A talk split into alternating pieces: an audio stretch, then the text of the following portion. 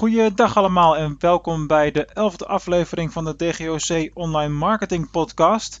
Vandaag ga ik met jullie even stilstaan bij de term meten is weten. Dat is natuurlijk ook de titel van de uitzending. Uh, deze aflevering en ook de volgende aflevering, die gaat over website usability, staan in feite in het teken van uh, ja, wat kun je allemaal doormeten en wat gebruik je daarvoor. Nou, ik wil graag nog met uh, een aantal uh, experts op dit gebied speciaal in, in gesprek gaan. Dus ben je aan het luisteren en denk: hey, web analytics, dat is mijn vak, dat is mijn passie, mijn roeping, daar weet ik alles vanaf. meld je dan even bij mij via mark.dgoc.nl. zodat wij wellicht in een toekomstige aflevering met elkaar in gesprek kunnen gaan en lekker de diepte in kunnen gaan over website statistieken. Goed, in de aflevering van vandaag wil ik even met jullie stilstaan bij welke verschillende soorten meetprogramma's er allemaal zijn. Dan kon jullie natuurlijk gelijk denken nu, soorten meetprogramma's, we gebruiken toch allemaal Google Analytics?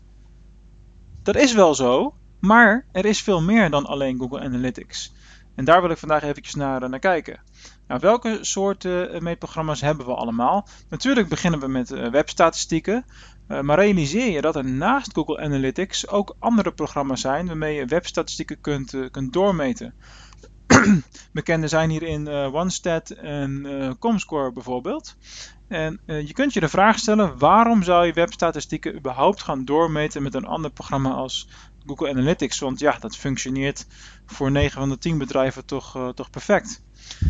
Het is een beetje als het advies wij van WC Eend adviseren WC Eend. met Google Analytics meet je toch statistieken door, waarbij voor een heel groot gedeelte mensen en bezoekers die bij jou binnenkomen ook weer vanuit Google gerelateerde bronnen binnenkomen, zoals de Google zoekmachine, AdWords of YouTube.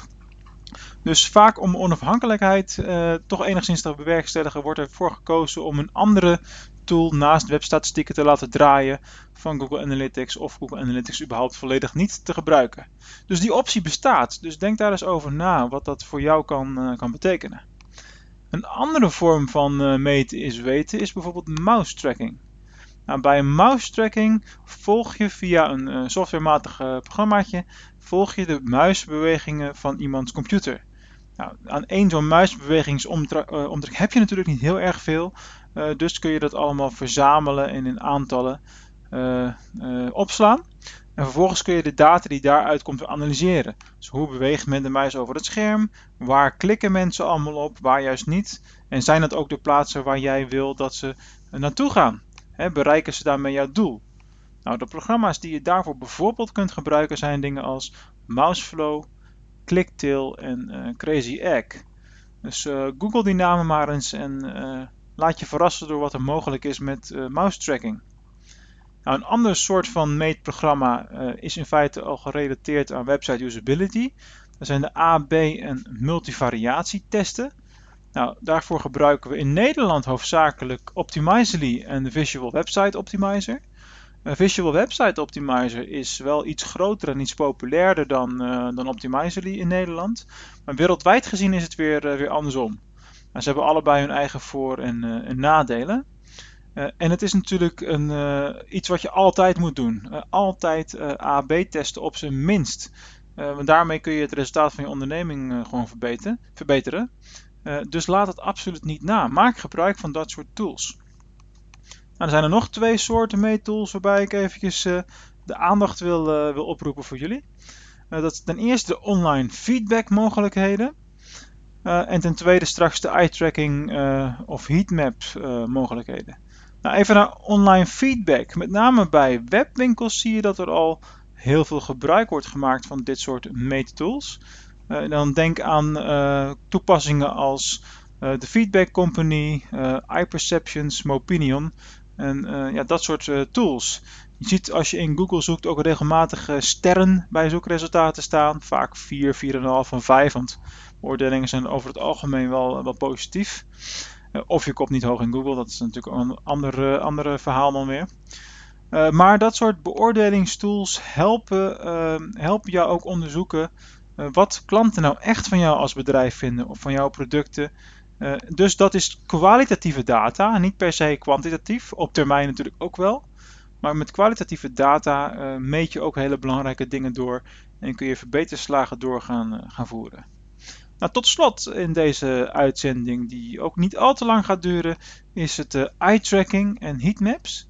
Nou, daar hebben jullie misschien wel eens van gehoord. Het is niet iets wat veel uh, wordt genoemd de laatste paar jaar volgens mij.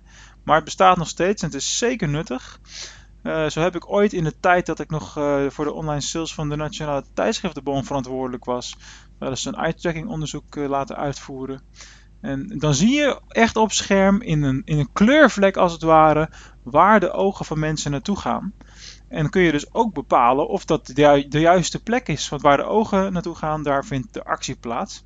En een voorbeeld wat je je wellicht kunt, kunt inbeelden is uh, op het moment dat er een, een, een, heer of een dame naar jou kijkt vanuit een poster, die kijkt jou aan, geeft dat een heel ander beeld als dat exact dezelfde foto is, maar waarbij de ogen gedraaid zijn naar het product. Dus wanneer er wordt gekeken naar een product, dan is er meer aandacht voor het product en is een advertentie ook effectiever. Dat gebruik ik zelf bijvoorbeeld ook bij Facebook ads, waarin ik een foto gebruik waarin ik naar, het, naar mijn boek kijk. En het boek is dan op dat moment het product. Uh, goed, maar eye tracking is, uh, is iets wat je op maat kunt laten doen. En er zijn uh, een hoop gespecialiseerde bureaus die zich daarin hebben bekwaamd. Dus doe daar eens onderzoek naar. voor vandaag is dat het hem alweer. want dit zijn nog steeds een, de inleidende afleveringen in de opmaat naar, naar straks de, de interviews. Interviews zullen waarschijnlijk één keer per week gepubliceerd gaan, gaan worden. Uh, ik hoop dat ik een wat hoger tempo erin kan, uh, kan handhaven. Maar goed, de agenda is natuurlijk ook altijd uh, lekker vol. en zeker gezien ik het allemaal, allemaal zelf doe, de opnames en interviews voorlopig, denk ik dat we straks op een schema van één aflevering per week gaan, gaan komen. maar bij deze nogmaals de oproep. Dus als je zelf specialist bent op het gebied van analytics of online feedback of mouse tracking of wat dan ook dan ben ik uh, heel erg geïnteresseerd om met jou in gesprek te gaan in een toekomstige uh, podcastaflevering. Voor nu allemaal nog uh, werkse fijne dag, fijne avond, goedemorgen, afhankelijk van wanneer je dit luistert natuurlijk. En tot de volgende keer bij aflevering 12, waarin we wat verder gaan inzoomen op de mogelijkheden van website usability.